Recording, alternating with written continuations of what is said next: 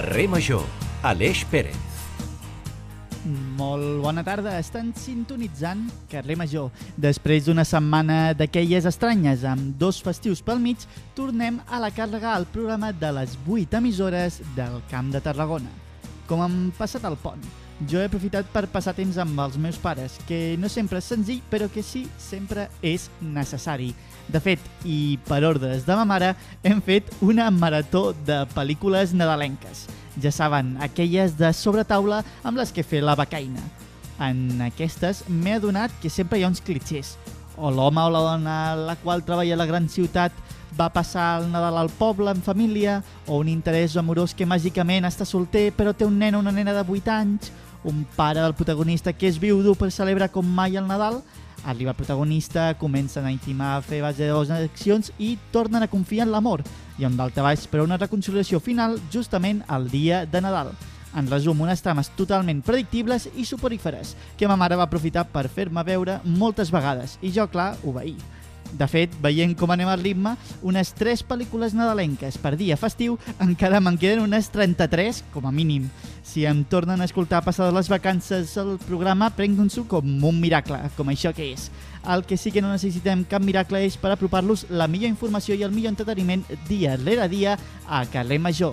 Representants de Ràdio Montblanc, Ràdio L'Hospitalet, Ona la Torre, Ràdio La Selva, la nova ràdio de Reus, Baix Camp Ràdio, la Ciutat de Tarragona i Altafulla Ràdio, que conjuntament amb la xarxa de comunicació local els portem de dilluns a divendres les històries que mai veuran en una pel·li de Nadal on el vermell, el blau, el verd i la neu s'han apoderat com una paleta de colors del llargmetratge. L'encarregat de que tot això no es converteixi en una oda al Nadal és el nostre tècnic de confiança, el Diego Moreno. Com sempre ens posa a tots a ratlla i s'encarrega que tots els volums arribin a la perfecció a les seves orelles. Tot a punt per aquesta segona hora. Fot-li, Diego!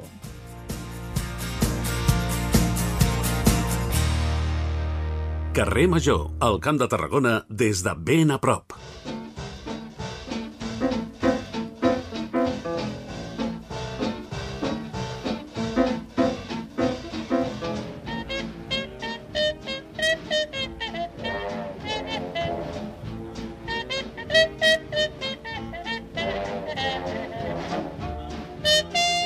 Comencem viatjant al passat i és que toca parlar d'història. Els primers premis Berenguer han reconegut el treball de fi de grau de Sergi Aliagas. Avui tenim l'oportunitat de parlar amb ell tant del treball premiat, on estudia la secció reusenca del Partit Obrer d'Unificació Marxista, com també la situació dels graduats un cop ja han fet aquestes primeres passes en el món professional. Molt bona tarda i felicitats pel premi, Sergi.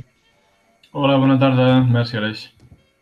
Bé, primer de tot, quina va ser la motivació que et va portar a escollir aquest tema? Bueno, doncs bàsicament una fascinació per al, pel Partit Obrer d'Unificació Marxista, pel POM. Eh, és un partit eh, comunista, revolucionari, i sobretot m'havia cridat la seva vessant antiestalinista. I això doncs, em va portar doncs, a voler saber més sobre com s'organitzava i què pensava aquest partit i a més també en, en un context jo crec de gairebé caldo de cultiu, no? en uns anys molt convulsos en la història del, del país on també les idees eh, tenien un gran pes no? sobre la concepció de la societat. Sí, són anys on la lluita de classes eh, està més viva que mai i on bàsicament jo, doncs hi ha diversos projectes polítics en concurrència. No? Per una banda hi ha un projecte eh, democràtic, que seria el dels partits reformistes, després també hi ha una extrema dreta, el feixisme, que es comença a escampar per Europa, i després hi ha el projecte revolucionari, que és el dels comunistes, que és el que apunta a la superació de la, de la societat de classes. Llavors, són anys molt, de molta efervescència política i molta lluita als carrers i són superinteressants. I una mica entenc també en aquest context que acabes de situar, és una mica complex, no? I Feixuc també la, la, la tasca de documentació, quin és el procés una mica des de l'origen d'aquesta idea fins a convertir-ho en realitat? Bé, eh, al ser un tema amb molt poca documentació primària, el POM de per si és un partit que està relativament poc estudiat i encara menys doncs, les seccions locals. Llavors, eh, principalment vaig haver de recopilar la poca bibliografia que hi havia al respecte i una vegada fet, doncs, establir un, un esquema d'estudi eh, i contrastar-ho amb, amb recerca d'arxiu, amb recerca de fonts primàries. És una mica eh, difícil de, de seguir avançant perquè no hi ha una línia molt clara, molt marcada, però es tracta d'anar-t'hi endinsant i al final doncs, van sortint les coses. Perquè llavors és important una bona planificació o potser també et canvia una mica la manera de treballar segons et vas trobant diferents fonts d'informació. Exacte, és el que tu dius. Si tu vas amb una idea preconcebuda, poder, eh, però és molt fàcil que a mesura que vas descobrint nova documentació, que aquest esquema mental que tu t'havies creat doncs es acabi sent modificat parcialment o completament. Hi ha molta gent que els hi passa. I en aquest vessant més local que ara comentaves, Sergi, també quin, quina importància tenen també o com es poden preservar tots aquests documents que, que malauradament no són tants? Bé, doncs per sort tenim eh, una intensa tasca que fan els arxius, que és la d'aquesta eh, gestió i preservació de, dels documents Llavors, doncs, tenim accés a la documentació gràcies a la feina de, dels treballadors i les treballadores dels arxius i també del, a la premsa històrica que tenim a les biblioteques municipals. Llavors, eh, aquestes són dos eh, fonts principals. Per tant, no cal anar massa lluny no? per trobar documentació fidedigna i que també doncs, et pot ajudar a l'hora de, de fer aquest estudi. No, aquí per sort a Reus tenim un bon tou de documentació, però sí és veritat també que jo vaig haver d'anar a l'Arxiu Nacional de Catalunya, que és a Sant Cugat, i mai saps també on pots trobar referències. No? Per sort, la digitalització avui en dia ens permet accedir a molts més arxius sense haver-nos de desplaçar, però hi ha vegades que la documentació ens pot portar a Madrid, a Salamanca, a diversos llocs arreu de l'Estat. Has de perseguir no? una mica inclús a vegades la informació. Quants mesos de feina t'ha comportat? Una mica com, com t'has anat dividint aquest, aquest treball? Bé, això va ser doncs, el, durant el curs acadèmic 2021-2022. Jo vaig tenir la casuística que m'hi vaig poder dedicar només íntegrament per fer el treball de fi de grau, que és l'origen de, bueno, del llibre. Um, llavors vaig poder-m'hi dedicar doncs, al llarg d'un curs, que són doncs, 8-9 mesos. Per tant, no sé també si vas trobar alguna dificultat o també aquest, aquesta pura dedicació o plena dedicació en l'estudi també et va propiciar a que el resultat fos molt millor? Sí, definitivament sí. Normalment els treballs de fi de grau eh, es fan en l'últim any de carrera compaginant-ho amb altres assignatures. Jo ho vaig intentar en un primer moment, però eh, no vaig poder arribar tot i vaig acabar deixant el treball per l'any següent. Evidentment, això té una repercussió molt positiva en, en la qualitat i en les capacitats de, de fer alguna cosa que, que no sigui només eh, superar uns crèdits, sinó eh, doncs, donar-li una miqueta més de recorregut a la recerca. Però, clar, això és un cas potser que, que no tothom eh, no, no tothom pot tenir la mateixa experiència. Clar, i parlant de donar-li recorregut, Sergi, parlem també del premi, ja que era la primera edició del, del, del Premi Per Anguera. Una mica com el vas conèixer i, i què et va impulsar també a, a participar?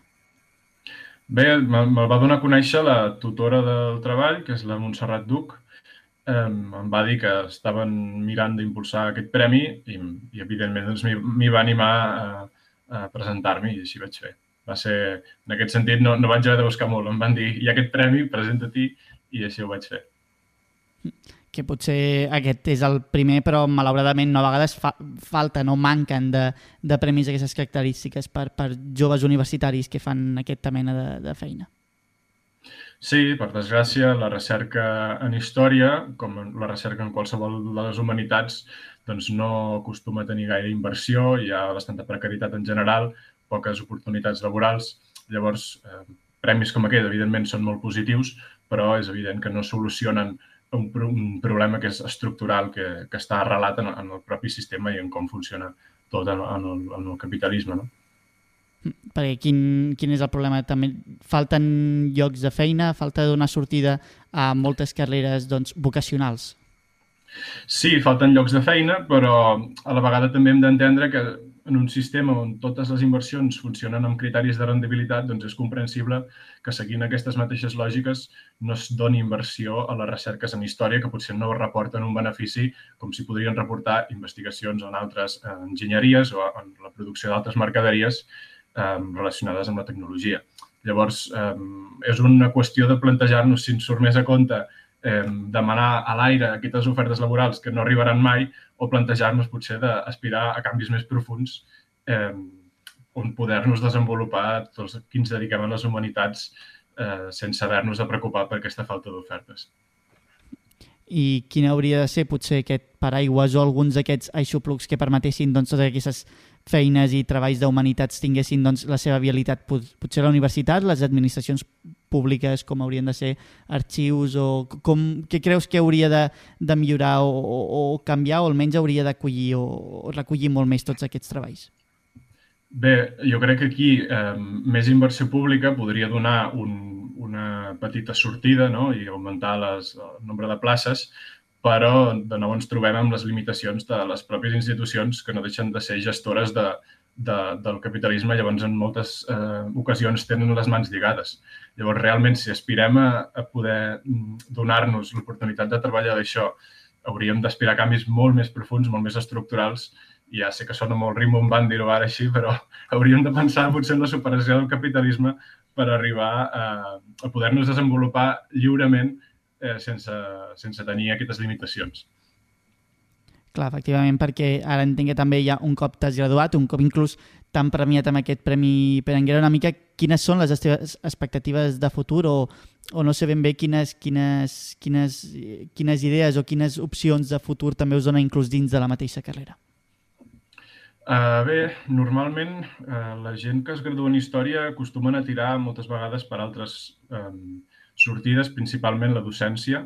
Jo mateix vaig fer el màster de formació del professorat i ara mateix estic esperant que m'arribi alguna oferta d'algun institut per poder treballar i a la vegada preparant les oposicions.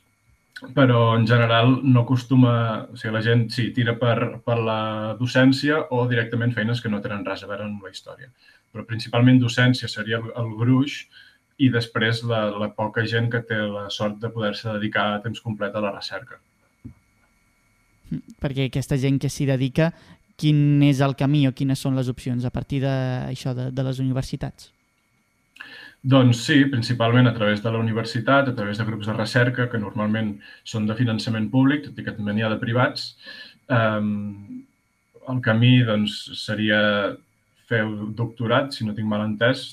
Tampoc he explorat molt aquesta via, però si tinc entès que moltes vegades és fer el doctorat i ja entrar, si tens sort, en un grup de recerca. Per tant, ara mateix contemples l'educació eh, com, a, com a una sortida i no sé quina, quina sensació et dona, quin, quin regust et deixa també aquesta possibilitat. Bé, en el meu cas, l'educació és un tema vocacional. Vull dir, jo vaig també eh, començar el grau d'Història amb aquesta possibilitat en ment i no és una sortida que, que, que agafi eh, contracor, sinó que és una via que, que jo sempre havia volgut eh, explotar. I doncs en aquest sentit l'educació per mi és, és el, el que aspirava i el que estic content en definitiva amb la, amb la sortida que he pres.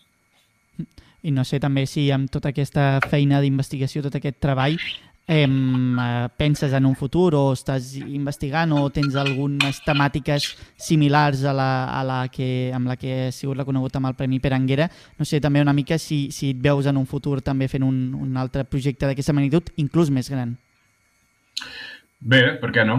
El tema és que, bueno, tampoc és que tingui molts més temes eh, preparats, però sí que som historiadors i estem formats i en aquest sentit doncs, podem explorar diversos temes de recerca dintre de la nostra especialitat. Llavors, tot el que vingui, benvingut serà.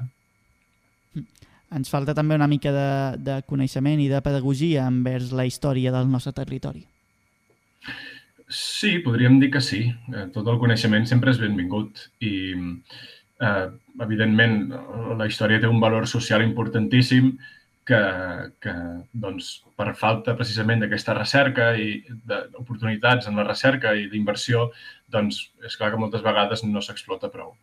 I en aquest sentit, doncs sí que la història té un potencial eh, molt important i, i és una disciplina importantíssima per a la societat també per aquesta feina no, d'educadora, de, no? els famosos cicles que sempre es diuen que, que qui no coneix la seva història està doncs, destinat no, a repetir-la. Sí, aquesta és una frase molt famosa. N'hi ha bastantes de, en relació sí. a la història. Eh, sí, en definitiva, està clar que la història és una font inesgotable d'aprenentatges eh, per a qualsevol de les, de les nostres lluites. Eh, N'hi ha prou en fixar-se en el passat i en fer una mica de, també valoració um, fins i tot crítica, per què no?, de, de com es van desenvolupar certs projectes polítics en el passat doncs, per mm, treure aquests aprenentatges i, i avançar cap al que nosaltres volem. Per tant, si haguessis de definir o reduir a un parell d'aprenentatges, de consells, de, de lliçons que t'ha donat doncs, tota aquesta investigació, tota aquesta feina, quines serien? Sincerament no, no tinc ni idea de què, de què respondre. Uh, una màxima és que la història és, és una lluita de classes, això ho tenim claríssim. I en aquest sentit, doncs, la, la, tota aquesta òptica materialista que per sort hem pogut heretar eh, és una cosa a tenir en compte sempre quan ens endinsem en la recerca històrica i quan ens preguntem doncs, cap a quina direcció anem. Llavors, aquí cadascú realment amb les, amb els, a partir dels seus principis anirà per una banda o una altra. Et complementa també una mica aquesta recerca, les teves conviccions i la, la teva ideologia, inclús la manera de veure el món? Sí, es podria dir que sí però això tampoc ens ha d'allunyar de fer una història eh, objectiva, que sí que és cert sí. que l'objectivitat és una cosa que moltes vegades queda en entredit, no? Què vol dir subjectivitat? Però en, en la mesura del possible nosaltres doncs, som historiadors i, i tenim una vocació científica. Hi ha una metodologia que evidentment no podem saltar. O sigui, una cosa és la recerca que nosaltres fem i l'altra cosa és la lectura que puguem després o la, els aprenentatges que en puguem extreure. Jo crec que són poder dos moments separats. I bé, doncs, per anar tancant ja una mica també, un... quin missatge li donaries potser a tota aquesta gent, tots aquests estudiants que, que estan doncs, acabant de, acabant de, de graduar-se d'història, quin creus que és el consell que els hi donaries? No ho sé, de nou, eh, trobo que seria una mica paternalista donar sí. aquest consell a tots els estudiants. Jo l'únic que puc dir és que en la mesura de, del possible, si són eh, conscients políticament i, i tenen unes conviccions polítiques fermes doncs que, doncs que no les abandonin. Al final, el que ens fa moure el món és, és la nostra capacitat d'organitzar-nos socialment, col·lectivament, i en aquest sentit doncs, és una cosa que no ha d'anar deslligat de tot el que nosaltres puguem fer com a historiadors o en qualsevol de les nostres professions. Doncs bé, moltíssimes gràcies pel teu temps, Sergi, i felicitats una vegada més pel teu premi. Esperem que, que tinguem més notícies de tu i puguem també explicar aquí a Carrer Major doncs, tota la feinada que, que es fa també des de, des de, la, des de tota la feina doncs, universitària envers la documentació històrica. Gràcies a tu, va ser un plaer. Adéu, vagi bé. Adéu. Carrer Major, totes les veus del territori.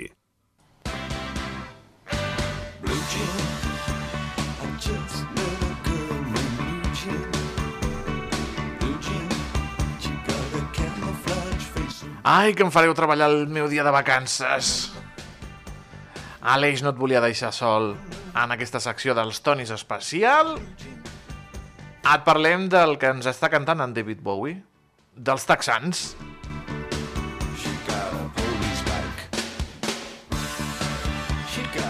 El teixit vaquer és un clàssic, és un bàsic en la moda urbana del dia a dia. Pantalons, jaquetes, camises fins i tot accessoris com bosses, carteres, moneders, corretges de rellotge, motxilles, formen part del outfit bàsic actual. Podríem dir que el 80% de la gent de carrer Major, per no dir el 100%, ara mateix porta alguna peça texana. Mireu-vos, mireu-vos les cames.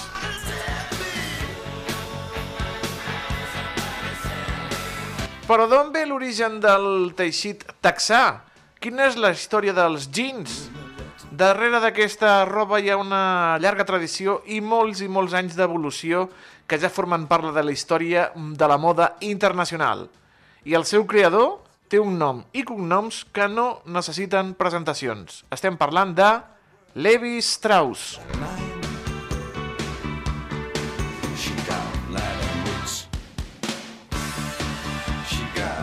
El texà és una peça per a tots els públics que s'utilitza tant en la moda juvenil com per d'altres edats, també en la moda adulta. A més, gràcies a la seva resistència i duresa, també sol ser un teixit recomanat per a treballar i també per als nens. Avui en dia, el texà ha evolucionat tant que es pot trobar en diverses peces molt característiques. I és que té més de 150 anys de història a les seves esquenes. Per conèixer la història dels jeans cal traslladar-se fins al 1853, en concret a la ciutat de San Francisco, el lloc on va veure néixer aquesta peça bàsica de roba. L'alemany Levi Strauss es va traslladar des de la seva ciutat natal fins a aquest lloc dels Estats Units amb l'objectiu d'obrir una botiga molt especial. En aquesta botiga vendria tendes de campanya per als miners, per als buscadors d'or. Una professió molt demandada gràcies, com hem dit, a la febre de l'or. Ell volia obrir una botiga de tendes de campanya, però les coses no li van sortir com esperava i van descobrir que les necessitats eren unes altres.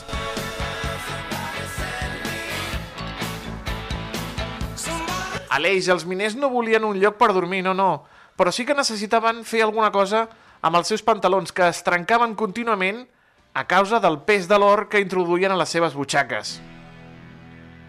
Levi Strauss va dissenyar llavors una espècie de peto, un mono de treball, amb el teixit denim, amb el qual dissenyava les seves tendes de campanya.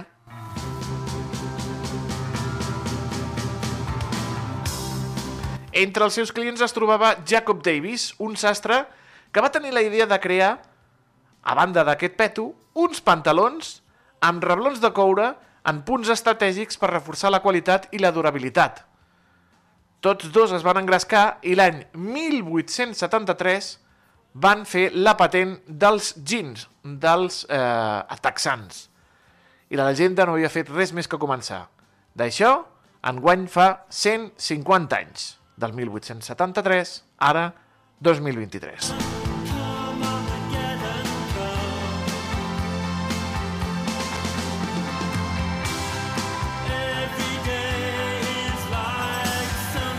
Un dels aspectes més curiosos de la història dels texans, t'hem de dir, es va veure en la seva evolució al llarg del temps. De fet, per conèixer la seva història, cal parar també un moment molt important, com és la Segona Guerra Mundial, quan les tropes rebien aquesta peça com a vestuari resistent per als treballs més exigents i difícils que havien d'executar a peu de trinxera, al camp de batalla o en altres llocs. Anaven amb texans. Després de la Segona Guerra Mundial, els jeans van començar a arribar al carrer, i concretament a la moda juvenil. Es diu que a partir de la dècada dels 50 hi va haver un gran culpable, que és el món del cinema. Actors com James Dean, en pel·lícules com Rebel sense causa, els van posar de moda i els joves van començar a omplir els seus armaris amb texans. Tots volien ser James Dean, Marlon Brando, Robert Redford o John Travolta. I continua sent una de les peces més venudes. El 39% de les compres mundials de texans es va realitzar a Amèrica del Nord. I a principis dels 2000 es gastava de mitjana més de 14 bilions de dòlars a l'any en texans, tant per homes com per a dones.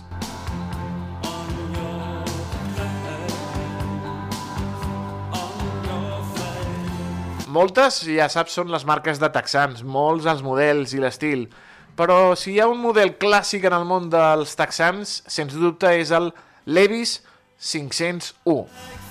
D'on ve aquest nom de Levis 501? D'on ve aquest número? Ni més ni menys que del número de lot de fabricació que van tenir en el seu moment.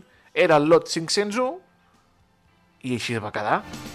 Sense estratègies comercials i sense buscar un nom atractiu, aquests pantalons s'han convertit a tota una icona i encara avui viu, més d'un segle després, i continuen venent-se amb la mateixa denominació.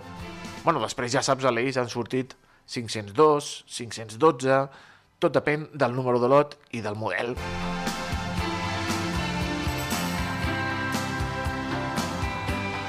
Com a curiositat us direm que el 501 és un model de taxà masculí i que en la seva publicitat dels anys 80 i 90 jugaven amb això, amb eslògans com ocasionalment fabricats per a dones. Sí, sí.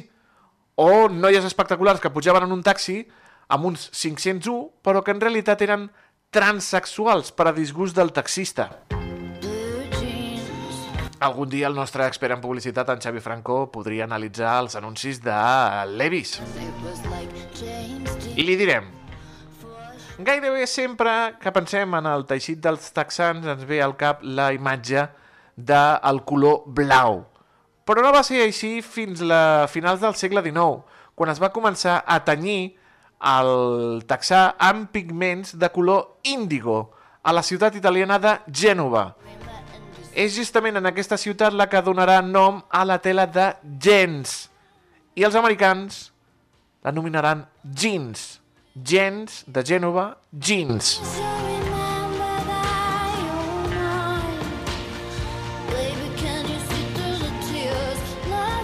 Anem a parlar de rècords, de rècords Guinness, sí, sí, perquè trobem diversos resultats lligats al món del taxà.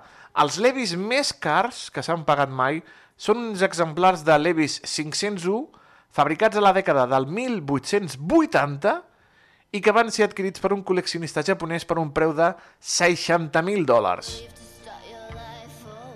Ara bé, el model de taxà més car fabricat mai és un trash denim de la marca de luxe Dussault Apparel. Aquests texans estan adornats amb 16 rubins d'un quirat, 26 rubins i 8 diamants de mig quirat i prop de 1 quilogram d'or blanc de 18 quirats. Els pantalons de Dissol, que es poden comprar en les seves botigues de Los Angeles o de Nova York, tenen un preu de 250.000 dòlars. Ah, per cert, Aleix, no porten cinturó.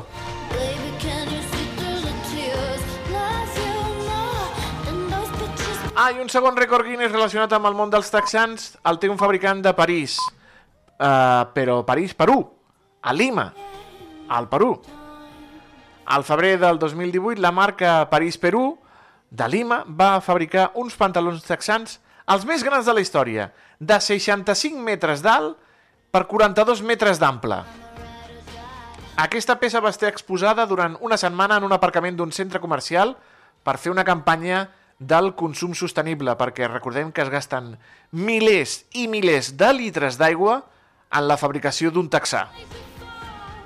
Per cert, a partir d'aquest gegant taxà de 65 metres es van fabricar 10.000 peces texanes.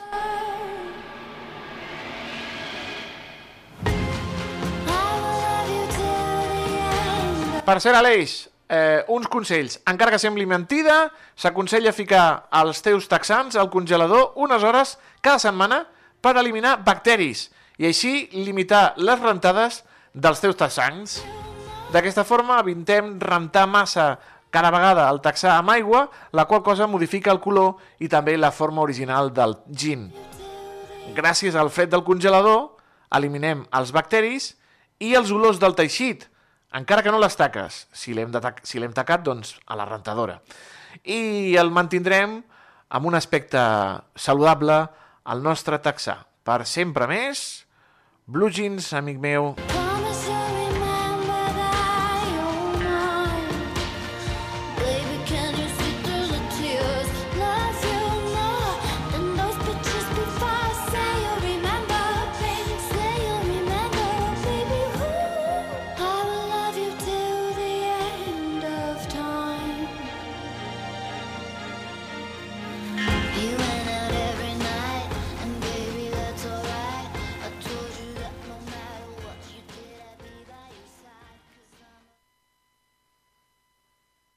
Bueno, Toni, doncs moltíssimes gràcies per la teva magnífica secció que avui, doncs mira, no hi és present, però sí que ens volia deixar doncs, aquest repàs històric de, sobre els jeans. M'agrada perquè, a més, m'ha servit molt, eh? La, tot, jo sóc una persona que a més porto molts, molts jeans, molts, molts vaqueros, no?, que es podria dir, i, i això del congelar m'ha semblat bastant, bastant estrany.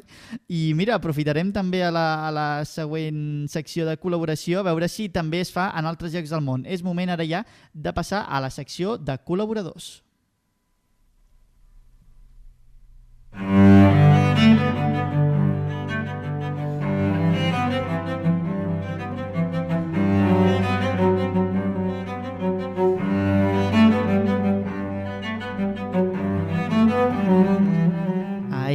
Johann Sebastian Bach, la seva música ens portarà a la següent convidada, si és que si hem viatjat al passat amb el magnífic treball del Sergi de fa una estona, és hora de recuperar una secció que vam començar a fer fa poc, on contactem amb persones del Camp de Tarragona que estan vivint fora per diferents motius.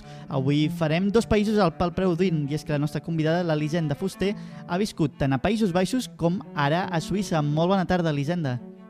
Hola, bona tarda, Aleix. Eh, gràcies per convidar-me, quina il·lusió. És un plaer i m'agrada molt a mi poder contactar també amb tota aquella gent que està repartida pel món, però que tot i així segueix tenint aquí un trosset de casa seva. Bé, primer de tot, què et va portar a marxar fora? En el meu cas van ser, eh, bueno, eh, van ser els estudis eh, i en el meu cas particular els musicals, perquè jo vaig acabar al conservatori, al grau mitjà, i bé, mm, sí que vaig provar de fer proves d'accés a diversos llocs de, de Catalunya, eh, però al final vaig optar per marxar als Països Baixos i així va anar, sí, sí. sí. Una mica també recordem això, la, lligant amb la música al principi, no? que tu toques el violoncel, estàs especialitzada en el violoncel i, i bé, va ser una mica també una, una, una decisió eh, potser entre cometes obligada no? per voler seguir fent allò que volies fer.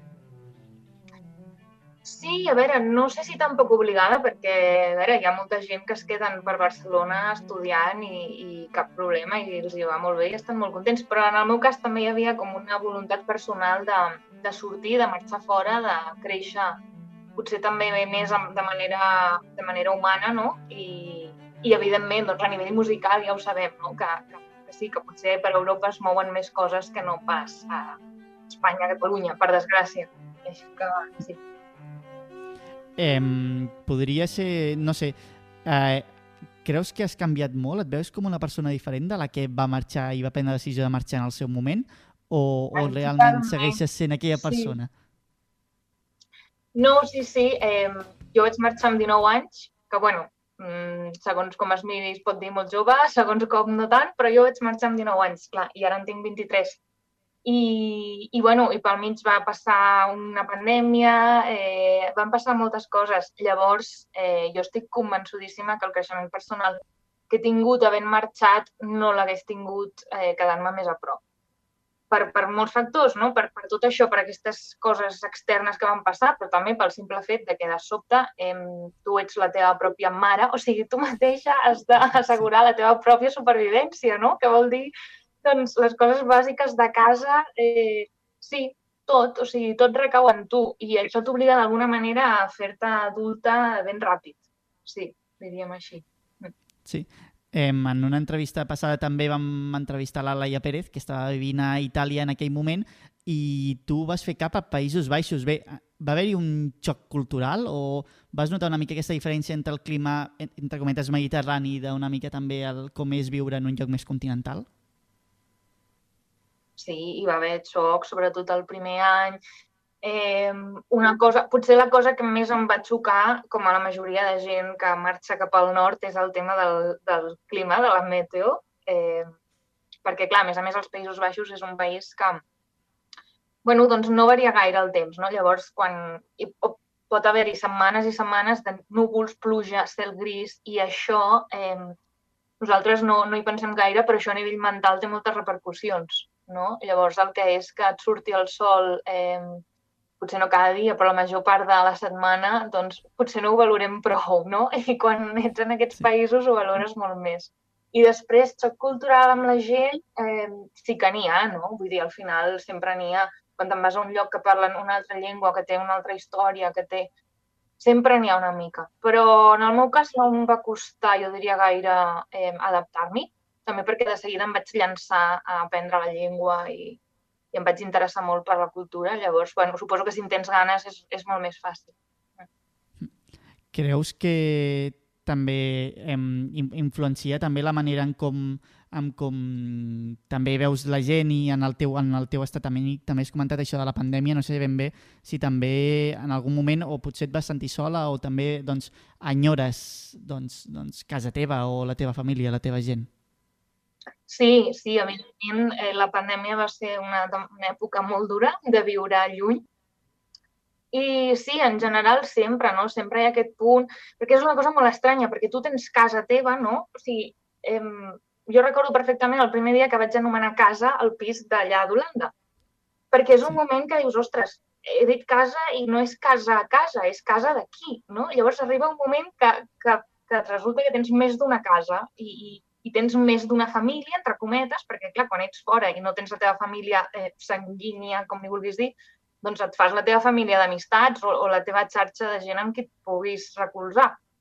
Llavors, és una cosa que curiosa, és una cosa curiosa de viure eh, i sí, realment, clar, el, el, el perdre's aniversaris, el perdre's eh, coses importants, doncs sempre fa, sempre fa una mica de mal, però després si ho poses en balança i et compensa amb el que estàs vivint eh, fora, doncs jo, almenys a mi fins ara m'ha compensat. Llavors... Sí. Exacte, i també en l'aspecte de la música també volia fer una mica d'incís. Com mm -hmm. es, és diferent la percepció de la música i de la manera de tocar aquí, aquí que a, que a Països Baixos o inclús a Suïssa? Quines diferències hi ha? Notes si també una mica la cultura influeix en la manera de concebre la música o no té per què?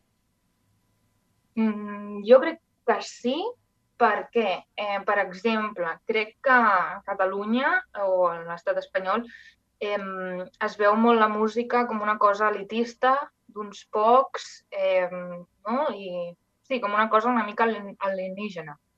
Però, clar, fora, eh, el fet de que la gent realment eh, vagi més a concerts, eh, es mogui més en el món cultural, inverteixi en cultura, doncs fa que això, mm, no? sap que la gent s'apropi a aquest món i per tant no sigui una cosa tan extraordinària el fet d'estudiar música o el fet de, de viure d'ella, no? o d'intentar-ho, si més no. Sí. I sí, man en manera de tocar en concret, eh, bueno, evidentment sempre hi ha les escoles, no? les grans escoles, doncs la russa, la francesa, no sé què. Eh, però també t'he de dir que avui en dia, com en un món tan globalitzat com en el que vivim, eh, hi ha aquestes, aquestes diferències, separacions, i jo trobo que no, no són tan vigents ja. Sí. I hi ha una altra cosa que també et volia preguntar, és que tu fas aquest primer viatge a Països Baixos, però és que darrerament has fet aquest canvi no? de Països Baixos a Suïssa. Què t'hi motiva i si sents també una mica que has fet una mica ja de... de ja, ja, ja estàs acostumada o, ja, o has notat diferent aquest segon canvi de, de país? Mm. Eh, sí, jo sembla que sempre, de totes les opcions possibles, sempre triï la més complicada. Ja, d'alguna ja manera. Passa, ja passa. Eh, però sí, al setembre vaig venir a viure aquí a Suïssa per començar el meu màster, eh, en aquest cas de cello barroc, eh, cello històric, i, i bé, doncs, eh, clar, jo pensava, bueno, ja, ja has passat, no?, el canviar de país, ja, ara ja saps què és, ja, i tot i així, pum, et sorprèn igual, perquè, clar, jo en el fons, o sigui, me n'he anat dels Països Baixos estant-hi molt bé, o sigui, ha sigut un canvi que no ha sigut nascut d'una necessitat de necessito tornar a marxar. No, ha sigut un canvi que va néixer de, bueno, jo voler realment fer aquest màster en cello barroc, fer proves d'accés i a partir d'aquí, amb, els, amb les proves en les que vaig passar, doncs a partir d'aquí triar. I sí que és veritat que, a veure, al final me'n vaig anar perquè jo o sigui, tenia una necessitat de sí. tornar a canviar de país. Però, clar, jo me n'anava d'un lloc on jo ja havia estat molt bé. I ja tenia els meus amics, ja tenia la meva vida feta allà. Llavors, vinga, torna al punt zero, no? I aquest tornar al punt zero eh, sí que és una cosa que, bueno, no sé si es fa més fàcil mai.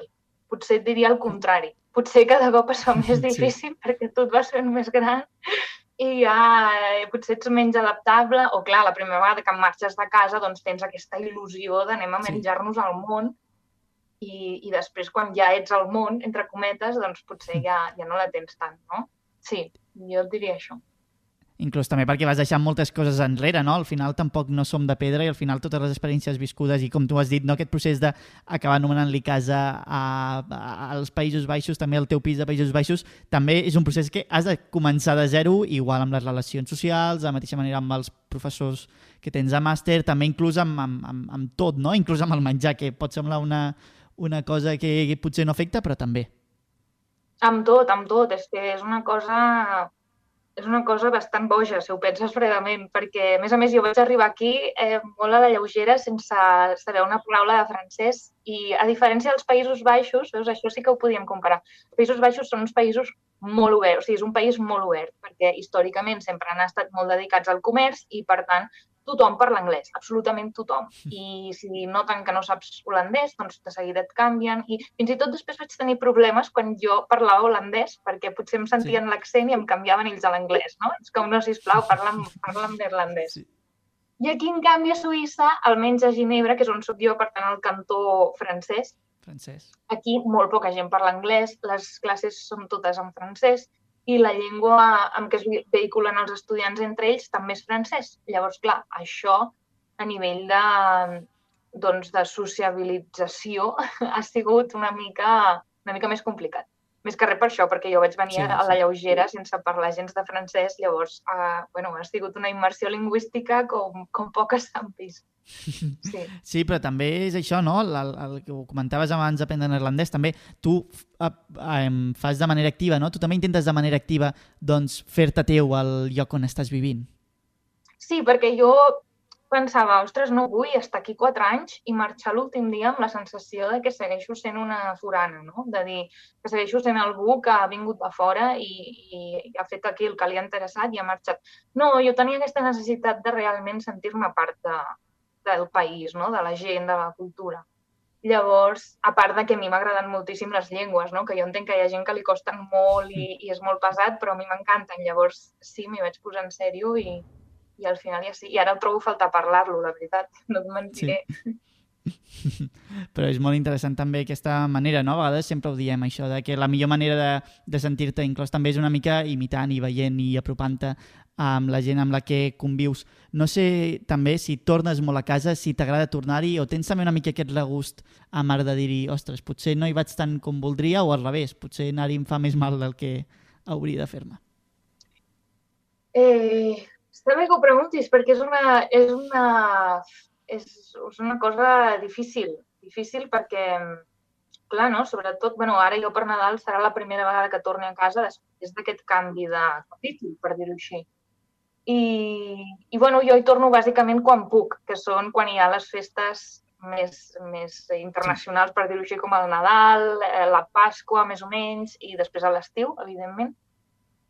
I bé, cada vegada que torno sí que hi ha unes ganes de, ostres, torno a casa, però a la vegada també torno a un lloc que, en certa manera, ja no em sento tan meu, no? Perquè, és a dir, eh, el meu present ara mateix és aquí, no? Llavors torno a un lloc, és com si tornés a l'Elisenda dels 19, en certa manera, que no, que realment sí. no, perquè ja no ho sóc, però una mica torno a aquella vida que vaig deixar.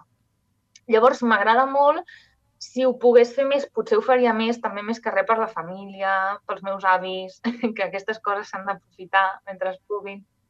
Eh, però bé, ho faig quan puc i, i sí, i els faig contents quan, quan sí, hauran, sí. sí. Se'ns està acabant el temps, però abans també no et volia deixar marxar sense preguntar-te això, què li diries a algú que s'està plantejant fer aquest salt al buit gairebé com vas fer tu en el seu moment?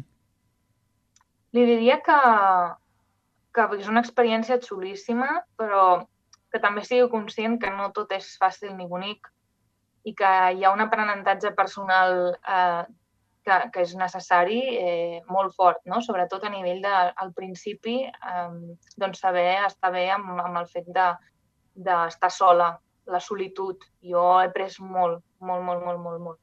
Llavors, clar, que, eh, o sigui, torno a dir el mateix, al final compensa, no? aquesta, aquesta, aquest inici una mica més amarg amb tot el que ve després, però aquest inici hi és. I és important que la gent no idealitzi el viure fora com un uau, perquè sí, d'acord, molt xulo, però hi ha una part dura i no tothom pot eh, passar, passar aquest procés. Llavors, bueno, sí. sí. Eh, és, és bonic perquè m'agrada fer aquestes preguntes a tota la gent que ha anat vine això i clar, i depenent de l'experiència, de manera com ho vius i tot, cadascú té uns consells a partir de les, de les seves vivències i bé, que ha sigut un plaer parlar amb tu, Elisenda, apropar-te doncs, un trosset d'aquí del Camp de Tarragona a, a Suïssa i bé, moltíssima sort amb els teus projectes i, i moltes gràcies per atendre Carrer Major. Sí, moltes gràcies, m'ha fet molta il·lusió i res, d'aquí dues setmanetes ja, ja vinc cap a casa. Sí.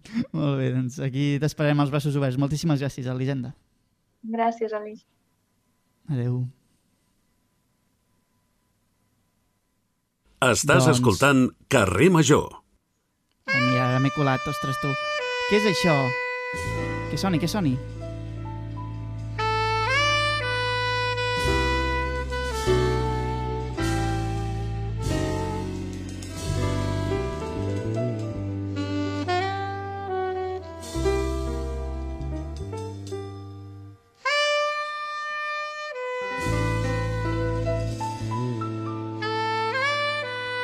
Doncs bé, això que sona és, com no pot ser d'una altra manera, la nostra magnífica i espectacular banda sonora que ens porta avui el David Fernández. A veure, de què sona això? Què ens emana? Molt bona tarda, David Fernández, des de la nova Ràdio de Reus.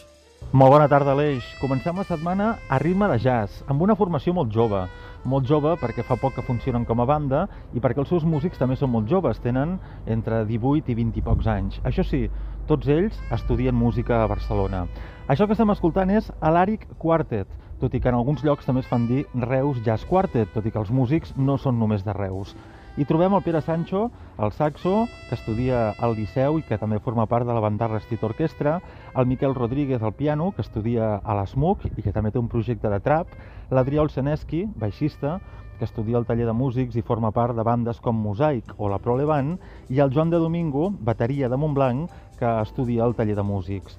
La seva primera carta de presentació és això que estem escoltant, un estàndard del jazz, es diu The Lamp is Low, de Peter de Rose amb Bert Schefter. És la seva presentació, com us diem.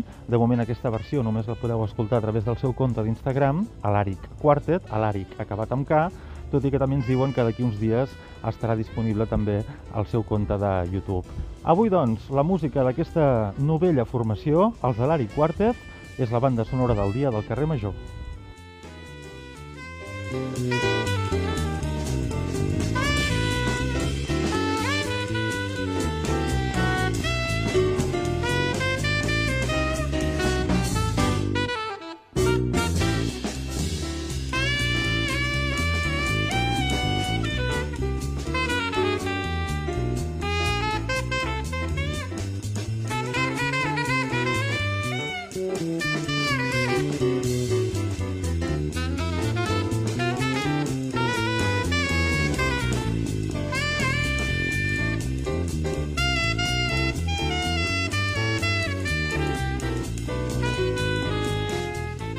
Ai, el jazz que ens porta el David Fernández. De fet, això em recorda una anècdota quan, sent petit, vaig entrar a un club de jazz i inclús també un amic que portava doncs, les seves parelles en un club de jazz. Eh, és una altra història.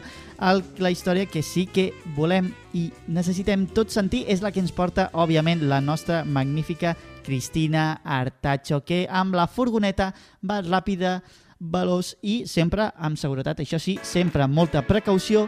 I aquí tenim la música de la furgoneta. Cristina Artacho, on has fet cap avui? Molt bona tarda més a la Furgo. Avui sóc a Tarragona, a la llar gent gran, de gent gran del centre de la ciutat, per parlar de la Xarranca, que és una nova ludoteca intergeneracional. Per parlar-ne som amb dos tècnics de l'Ajuntament de Tarragona, l'Amat Callent, que és el responsable de la xarxa de centres cívics de la ciutat. Bona tarda. Molt bona tarda. I la Cèlia López, que per la seva banda és la responsable de les llars de gent gran. Bona tarda, Cèlia. Bona tarda. Eh, com sorgeix aquest projecte de, de la Xarranca, Amat? Bé, la, sorgeix d'una oportunitat. Eh, la veritat és que fa temps que buscàvem un espai a, a zona centre per obrir un servei de ludoteca municipal. La xarxa de centres cívics ja disposa de ludoteques municipals als diferents barris, però al centre no teníem aquesta oportunitat. Amb una conversa amb la Cèlia vam veure una oportunitat real de ficar un servei de ludoteca aquí, en el qual volíem anar una mica més enllà. En aquest sentit vam parlar amb els nostres responsables, tant de l'Ajuntament de Tarragona com de l'Institut Municipal de Serveis Socials, per si ens deixaven tirar endavant aquesta aventura i avui ens trobem aquí inaugurant aquest servei. Comenta la Mat que no és l'única ludoteca que té Tarragona. És la primera ludoteca, però, que combina els infants i la gent gran i els fa conviure? Sí, sí, és la primera i és una experiència que estem molt emocionats perquè estem segurs que funcionarà. Aleshores que aquí tenim una junta de persones grans que estan molt implicades a dinamitzar l'espai i quan els hi vam comentar eh, que teníem pensat eh, fer aquest projecte es van posar molt il·lusionats, estan molt implicats i segur que sortirà un projecte que, que funcionarà molt bé i dinamitzarà molt el que, el que és aquest, aquesta zona de la ciutat i serà bo per les persones grans i per les famílies. Desconeixem encara quina rebuda tindrà entre els infants i les famílies, però sabem que la gent gran està emocionada. Sí, sí, estan emocionats. A més, ells ja s'han plantejat eh, que guarnirem ara per Nadal la llar, eh, s'han ofert a fer conta-conta, s'han ofert a cantar, volen fer un karaoke, estan emocionadíssims.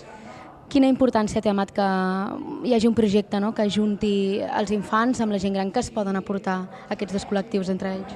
Bàsicament s'aportaran coneixement, que és el que busquem amb aquest, amb aquest servei, no? que tant gent gran com infants comparteixin aquest moment tan important per la seva etapa educativa dels nens i fer-ho de la mà de la gent gran, de la saviesa i l'expertesa de la gent gran, compartint coneixements, jocs, joguines inclús, i una mica el que esperem és aquest, aquest intercanvi intergeneracional que se, segurament serà beneficiós tant pels més petits com pels més grans de la ciutat. Aquesta tarda s'inaugura aquesta ludoteca, la xarranca, amb un conte-contes. Eh, de cara més endavant, ja hi ha altres activitats previstes? Bé, com apuntava la meva companya Cèlia, la intenció és decorar, la primera activitat conjunta és acabar de fer la decoració de, de la llar i la intenció és que sigui força orgànic, que tant els avis com i les àvies com els infants i les seves famílies a poc a poc anem proposant activitats de manera conjunta amb l'equip educatiu, que no em vull oblidar d'ells que tenim aquí al servei de ludoteca, que ja estan preparant tota una bateria de propostes perquè això succeeixi.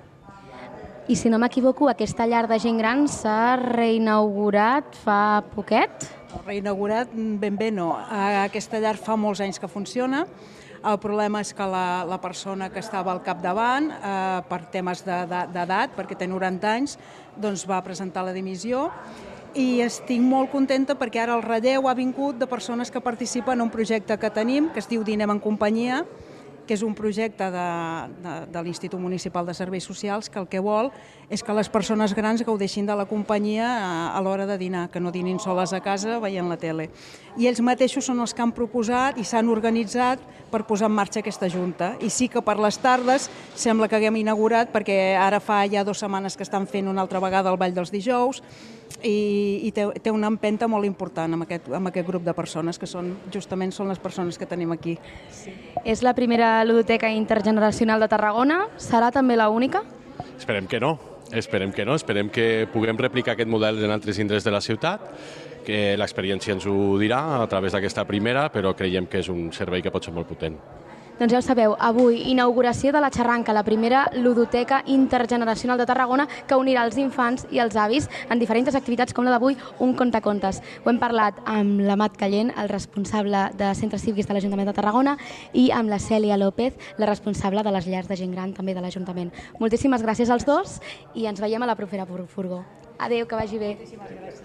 Doncs moltíssimes gràcies, Cristina Artacho, pel teu temps i sempre doncs, per, per portar-nos totes aquestes històries que sempre doncs, passen i, i són una realitat al nostre territori i dia a dia ens porta.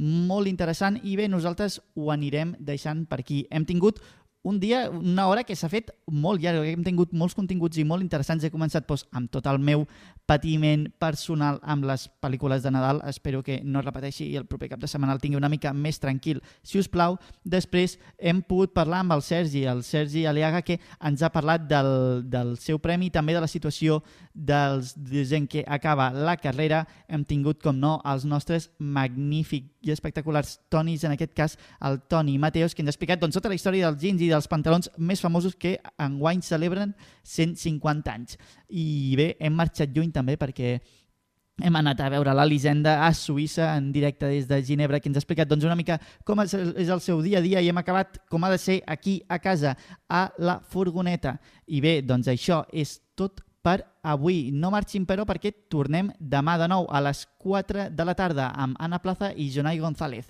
I a la segona hora, doncs, sembla que hauran d'aguantar un servidor una hora més. Ens veiem, feu bondat i fins demà.